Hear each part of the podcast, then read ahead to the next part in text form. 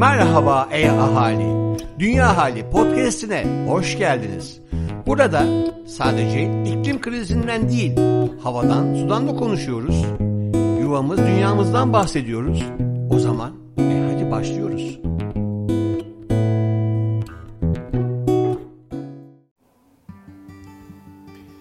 Dünya Ahali Bülten No 37. Of 37 olmuş süper. Benim adım Levent Erkan. Bugün size Dünya Ahali Bülteni okuyacağım. Umarım gözlerinizi kapar, sakin bir şekilde bu güzel yazıları dinlersiniz. Selam dünyalı. Güzel bir çarşambadan herkese merhaba. Umutlu hikayelerle dolu bir sayıyla sizlerleyiz bugün. Konu iklim krizi olunca bu anlatılanlara daha sıkı tutunuyoruz. Umarım sizlere de iyi gelir. Keyifli dinlemeler. İklim Masası Çağla Fadıllıoğlu Haberler. Şimdi iklim masasının haberlerine geçtik. İklim krizi. İklim değişikliğinin sağlık üzerine etkilerini bağımsız olarak izleyen Uluslararası İşbirliği Lancet Countdown her yıl hazırladığı raporun 2021 versiyonunu yayımladı. Rapor, küresel ısınmanın etkisiyle dünyada eşitsizliklerin daha da derinleştiğini ortaya koyuyor. Rapora göre artan sıcak hava dalgaları sonucunda insanlar aşırı sıcaklarla daha çok baş etmek zorunda kalıyor. Düşük ve orta insani gelişme endeksine sahip ülkelerdeki tarım işçileri aşırı sıcaklardan en kötü etkilenen kişiler arasındalar. Sadece hayal edin. Tarım işçilerini ve aşırı sıcakları. Sürekli çalıştıkları ortamları ve giderek artan sıcakları. Lütfen hayal edin. 2020'nin her bir ayında küresel kara alanlarının beşte birine yakın aşırı kuraklıktan etkilendi. Sıcak havalar dünyanın temel tarım mahsullerinin verimini etkiliyor. Bu durum dünya çapında gıda ve su güvenliği sorunları ile mücadeleye zorluyor. Ayrıca değişen çevre koşulları birçok patojenin buluşmasını daha da kolay duruma getiriyor. İklim ve sağlık alanında eylemsizliğin maliyeti şimdi harekete geçmenin maliyetlerinden çok daha ağır basacak. Arkadaşlar eylemsizlik iyi değil. Zor gibi görünüyor ama çözümün tam kendisi. Aşırı sıcaklar. İklim güncel durumunu analiz eden Carbon Brief haberine göre 2021 şimdiye kadar sıcak hava dalgaları, orman yangınları ve sellerle dolu birçok rekorun kırıldığı bir yıl oldu. 2021 yaz ayları ölçümlerin başladığı 1850'den bu yana kara sıcaklıkları arasında en sıcak yaz ayları olarak kaydedildi. Bir düşünün. Ülkemizdeki geçen 2021 yazını düşünün lütfen. Ve sıcaklıkları ve nelere yol açtığını. Karalar ortalamada dünyanın tamamına kıyasla yaklaşık %50 daha hızlı ısınıyor. Toplam ısınmanın neredeyse tamamı son 45 yılda gerçekleşti. Yılın ilk 9 ayında ana sera gazları olan karbondioksit, metan ve nitroz oksidin atmosferdeki miktarlarında rekor kırıldı. Evet, iklim mesası haberlerini bitirip bir sonraki kısmımıza geçiyoruz. Hakikaten ilginç haberlerdi ve bir sonraki kısmımızda ise köşe bucak dünya Profesör Doktor Levent Kurnaz. İklim gündemi. 31 Ekim'de Glasgow kentinde Birleşmiş Milletler İklim Değişikliği Çerçeve Sözleşmesi'ne taraf olan ülkelerin katılımıyla 26. Taraflar Konferansı yani diğer bir adıyla COP26 düzenlenecek. Bu konferanstan da bir beklentimiz var mı? Hayır. Bu yazıda beklentileri hocam az tutmakla beraber aslında kadar faydalı işler kendisi ve birçok kişinin yaptığını da aslında altını çiziyor. Profesör Doktor Levent Kurnaz diyor ki, Türkiye Glasgow'da 2053 yılına kadar net sıfır karbon salan bir ülke olma planını duyuracak. Heyetimiz Glasgow'dan döndükten sonra kolları sıvayıp bunu nasıl başaracağımızı planlamamız gerekiyor.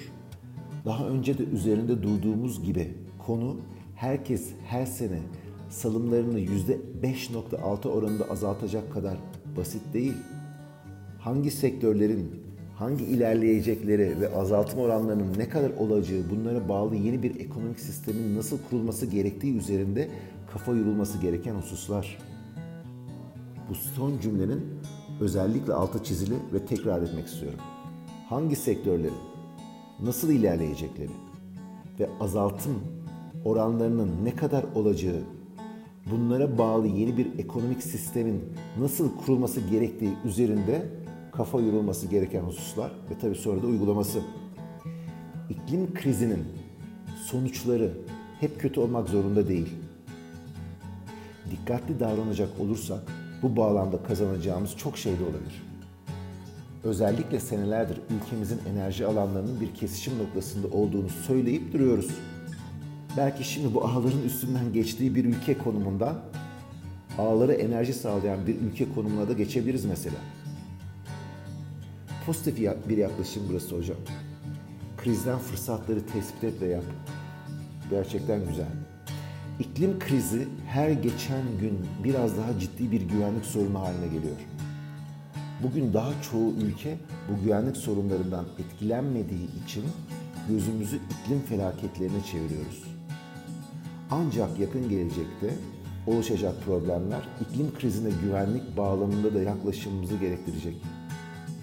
Amerika Birleşik Devletleri Ulusal Haber Alma Ofisi'nin yayınladığı rapora göre fiziksel etkiler ve bu zorluklara nasıl yanıt verileceği konusunda ülkeler arasındaki gerilimler arttıkça iklim değişikliğinin Amerika Birleşik Devletleri ulusal güvenlik çıkarlarına yönelik risklerinin giderek artacağını öngörüyor. Yoğunlaşan fiziksel etkilerin özellikle 2030 yılından sonra jeopolitik parlama noktalarını şiddetlendirerek ve kilit ülkeler ve bölgeler arasında istikrarsızlık risklerini ve insani yardım ihtiyacının artması bekleniyor. Sınır aşan sular bağlamında önemli bir bölgede bulunan ülkemizin yaşayacağı yağış azalmasının da söz edilen istikrarsızlıkların risklerinden birini oluşturacağını hepimiz kolayca görebiliriz. Ayrıca bu raporda yer alan diğer kilit ülkelerde meydana gelecek iklim felaketleri de ülkemize doğru yoğun bir iklim göçünü tetikleyebilir. İklim göçü. Katılıyorum hocam. Yeterince göç almıştık demeyelim. Ne yapabiliriz diye düşünmeye ve uygulamaya devam edelim lütfen. Bundan dolayı da hepimiz insani yönünün ötesinde iklim krizinin ulusal güvenlik yönünü de artık düşünmeye başlamak zorundayız. Levent Kurnaz hocama sonuna kadar hak veriyorum bu makalenin ve yazının sonunda. COP26 bu ay sonunda başlıyor. Önemli ve gidiyoruz. Ben de V Global'in yönetim kurulu başkanıyım ve uyguladığımız bir iklim programını hem COP23 Almanya'da 2017 yılında hem COP24 Polonya 2018 yılında sunumlarımız ile anlatmıştık. Yönettiğimiz 2017-2020 yıllarında uygulanan en büyük iklim programını e, hatta adı iklim değişikliği alanında ortak çabaların desteklenmesi programı ya da kısaca iklimin projesi diyorduk biz ona. Ve bu projeyi Çevre Şehircilik ve İklim Değişikliği Bakanlığı, Avrupa Birliği ve Merkezi Finans İhale Birimi ile beraber uygulamıştık.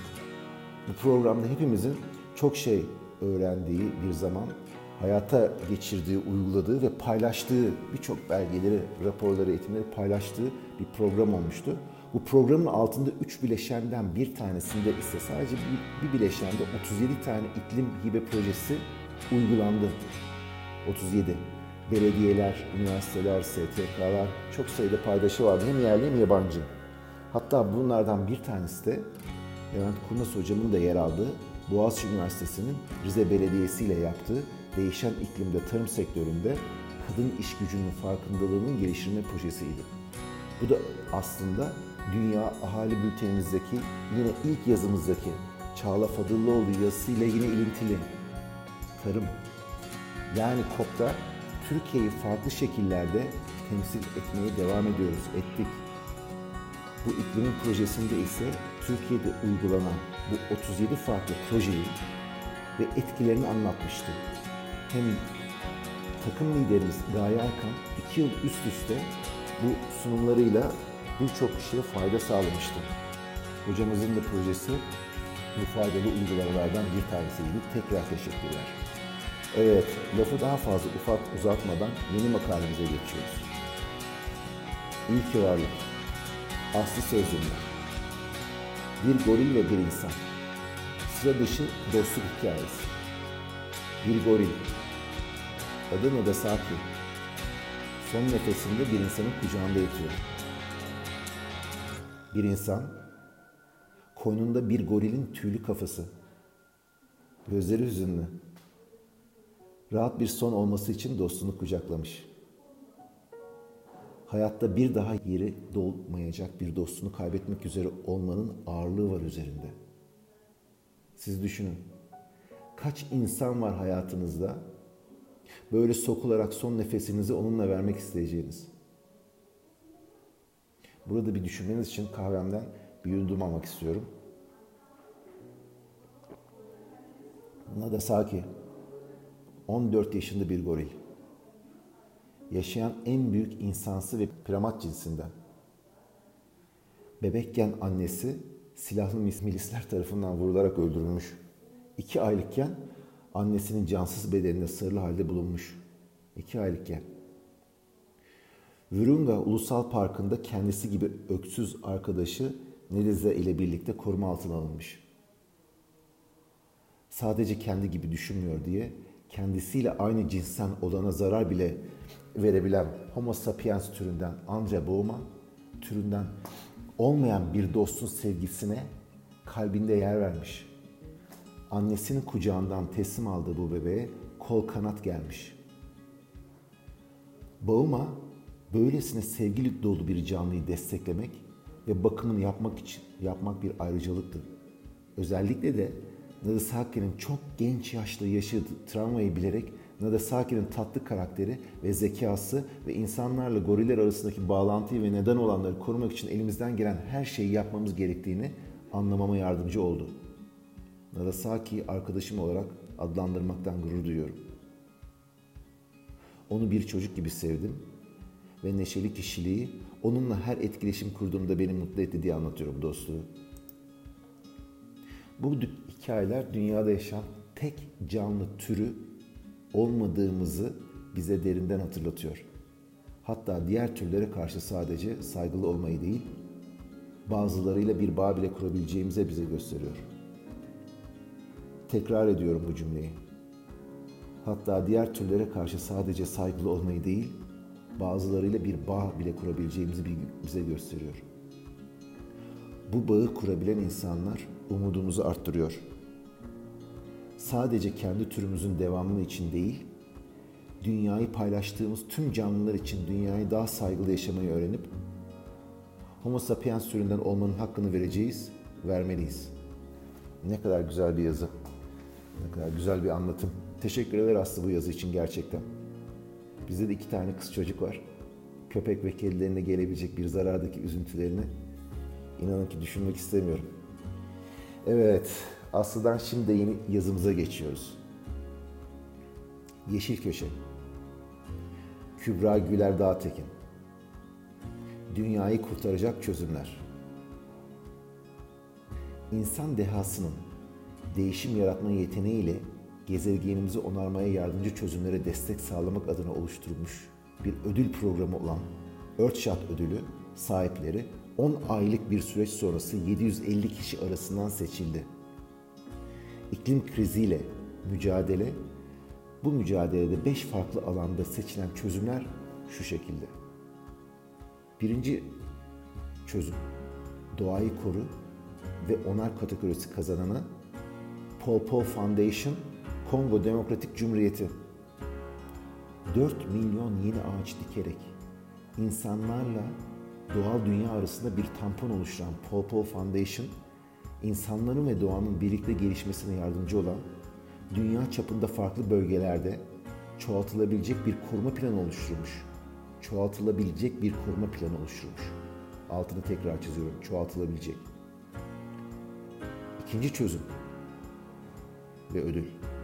Havamızı temizle kategorisi kazananı Takaçar, Hindistan. Takaçar, uzak çiftliklerdeki traktörlere bağlanan ucuz, küçük ölçekli, taşınabilir bir teknoloji geliştirdi. Makine, mahsul kalıntılarını yakıt ve gübre gibi satabilir, biyo ürünlere dönüştürüyor. İlginç değil mi? Yine bu da tarımla ilgili bir konu. Bugün tarım alanındaki üçüncü duyduğumuz bilgi bu bültende. Evet, üçüncü çözüme geçiyoruz ödüle. Okyanuslarımızı canlandır. Kategorisi kazananı ise Karovita, Bahamalar. Okyanuslarda yeniden dikmek için karada mercan yetiştiren Coral Vita, ölmekte olan ekosistemlere yeniden hayat veriyor. Dördüncü çözüm ödül. Atıksız Dünya Yarat kategorisi kazananı Milano şehri gıda atık merkezleri İtalya. 2030 yılına kadar atıkları yarıya indirmek amacıyla 2019'da kurulan Milano şehri gıda atık merkezleri ağırlıklı olarak süpermarketlerden ve şirketlerin kantinlerinden gıda topluyor ve en muhtaç vatandaşlara dağıtan STK'ları veriyor. Beşinci çözüm ve ödül iklimi onar kategorisi ise kazananı IM Electrolyzer, Tayland, Almanya, İtalya.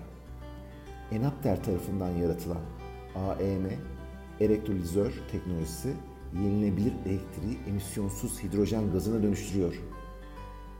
Yenilebilir elektriği emisyonsuz hidrojen gazına dönüştürüyor. Earthshot madalyası Hollandalı sanatçı Christian Malmström tarafından geri, geri dönüştürülmüş pirinç, su borumsu bağlantıları ve atık sudan filtrelenen küçük metallerden tasarlandı.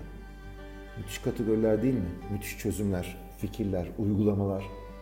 Umarım bu ödüllerle herkes yeni bir ilham kazanır. Teşekkürler Kübra bu kadar güzel bir yazı ve bilgilendirme için. Evet, şimdi de bir sonraki yazımıza geçelim. Yuvam Dünyalar ne yapıyor? Özlem Eren, Gilbert Boruccian ile Polonezköy'de mantar peşinde. Sonbahar İstanbul'da mantar mevsimi. Yağışlı havaların ardından mantarlar topraktan yükselmeye başlıyor. Tertemiz havada kuş sesleri ve akan suyun şırıltısı eşliğinde nemli toprak korkusu soluyarak yavaş yavaş yürümek. Ve yürürken de gözünü topraktan ayıramamak. Mantar toplamaya harika bir doğa aktivitesi yapıyor. Kendi kendinde kalabildiğin bu sakin ve huzurlu anlarda türlü türlü mantarlarla karşılaşmak ve mantarı nazikçe topraktan ayırırken parmaklarına toprak bulanması ardından ana patikaya yönünü kestirmek için dikkat kesilmek bu aktiviteyi bir mini maceraya çeviriyor.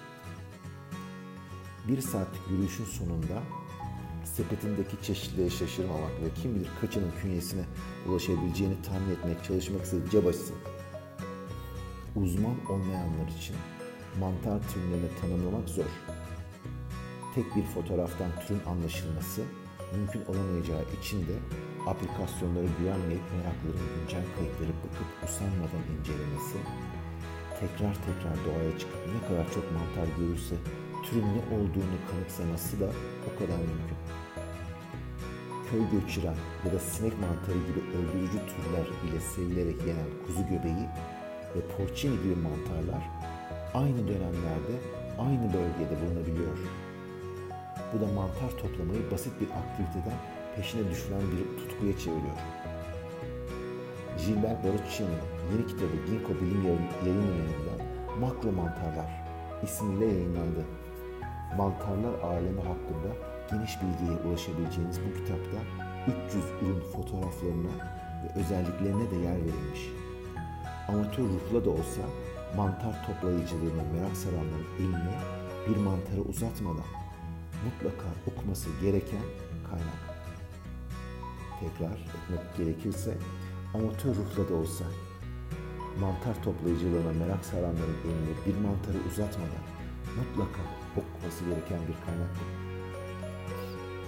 Evet ben de Yuvan Dünyalıyım ve Özlem'in yazdıklarını ilgiyle seslendiriyorum. Kıskanarak okuyorum. Çünkü maalesef bu güzel, öğretici hatta rahatlatıcı etkinliğe maalesef katılamadım. Hem de İstanbul'u o kadar özlemişken. Çok faydalı bir yazı. Teşekkürler Özlem yazın için. Evet, bir sonraki yazımız. Destekçimizden BMW'de döngüsel ekonomi odaklı yeni bir yaklaşım. Döngüsel tasarım.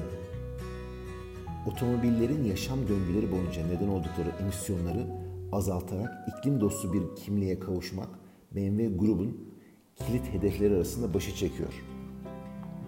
Ürün portföyünde elektrikli çözümlere geçen ve üretimde yenilebilir enerjiye ağırlık veren şirket bir yandan da özellikle döngüsel ekonomi prensiplerine ve ikinci yıl malzemelerin kullanımına odaklanıyor. Bu durum özellikle de tedarik zinciri açısından bakıldığında bir otomobilin karbon ayak izinde önemli oranda küçülme sağlanması anlamına geliyor. Döngüsel tasarım dört prensip üzerinden şekilleniyor. Tekrar düşün, sadeleştir, tekrar kullan ve geri dönüştür. Tekrar düşün. Döngüsel ürün tasarımı olgular hakkında farklı bir düşünce geliştirmekle başlıyor. Her bir bileşen parçasının günümüze kadar gerçekleştirdiği işlev inceleniyor ve bunun sonucunda ilgili parça yerine yenisi koyulmadan çıkarılıyor. Veya uygun koşullarda akıllıca yeniden şekillendirilerek kapalı malzeme döngüleri sağlamak üzere tasarlanıyor. Sadeleştir. Tekrar düşünden sonra sadeleştir geliyor. Az ve öz anlayışı. Uzun süredir BMW'nin felsefesinin temel taşlarından birini oluşturuyor. Bileşen parçaların yanı sıra malzeme grubu ve yüzey işlemi sayısı titizlikle azaltılıyor. Tekrar kullan. Bu da üçüncü aşaması. Tekrar kullan. Otomobilin yaşam döngüsü yenileştirme ve yeniden tasarım yoluyla uzatılabiliyor. Yerinden kolayca çıkabilen bağlantılar kullanıcıların muhtelif malzemeleri ve birleşen parçalarını çok daha kolay şekilde değiştirmesine olanak tanıyarak otomobilin tarzını değiştirme, değiştirebilmelerini sağlıyor. Son aşama geri dönüştür. Malzeme kullanımı söz konusu olduğunda BMW ürün yaşam döngüsünün sonunda yeniden kullanılmasını amaçlanan geri dönüştürülmüş malzemelere odaklanıyor. Ben bu BMW'nin yaklaşımını herkese örnek, herkesin örnek alabileceği dört aşamadan oluştuğunu düşünüyorum. Tekrar etmek gerekirse bir tekrar düşün. iki sadeleştir. Üç tekrar kullan. Dört geri dönüştür. Müthiş. Evet, dinlediğiniz için çok teşekkür ediyorum arkadaşlar. Lütfen kendinizi sevin, dünyanızı sevin ve lütfen bırakmayın. Dünya yuvamız, Dünya Ahali Bültenimizi bu son yazımız ile bitiriyoruz. Haftaya görüşmek üzere. Sevgiyle kalın.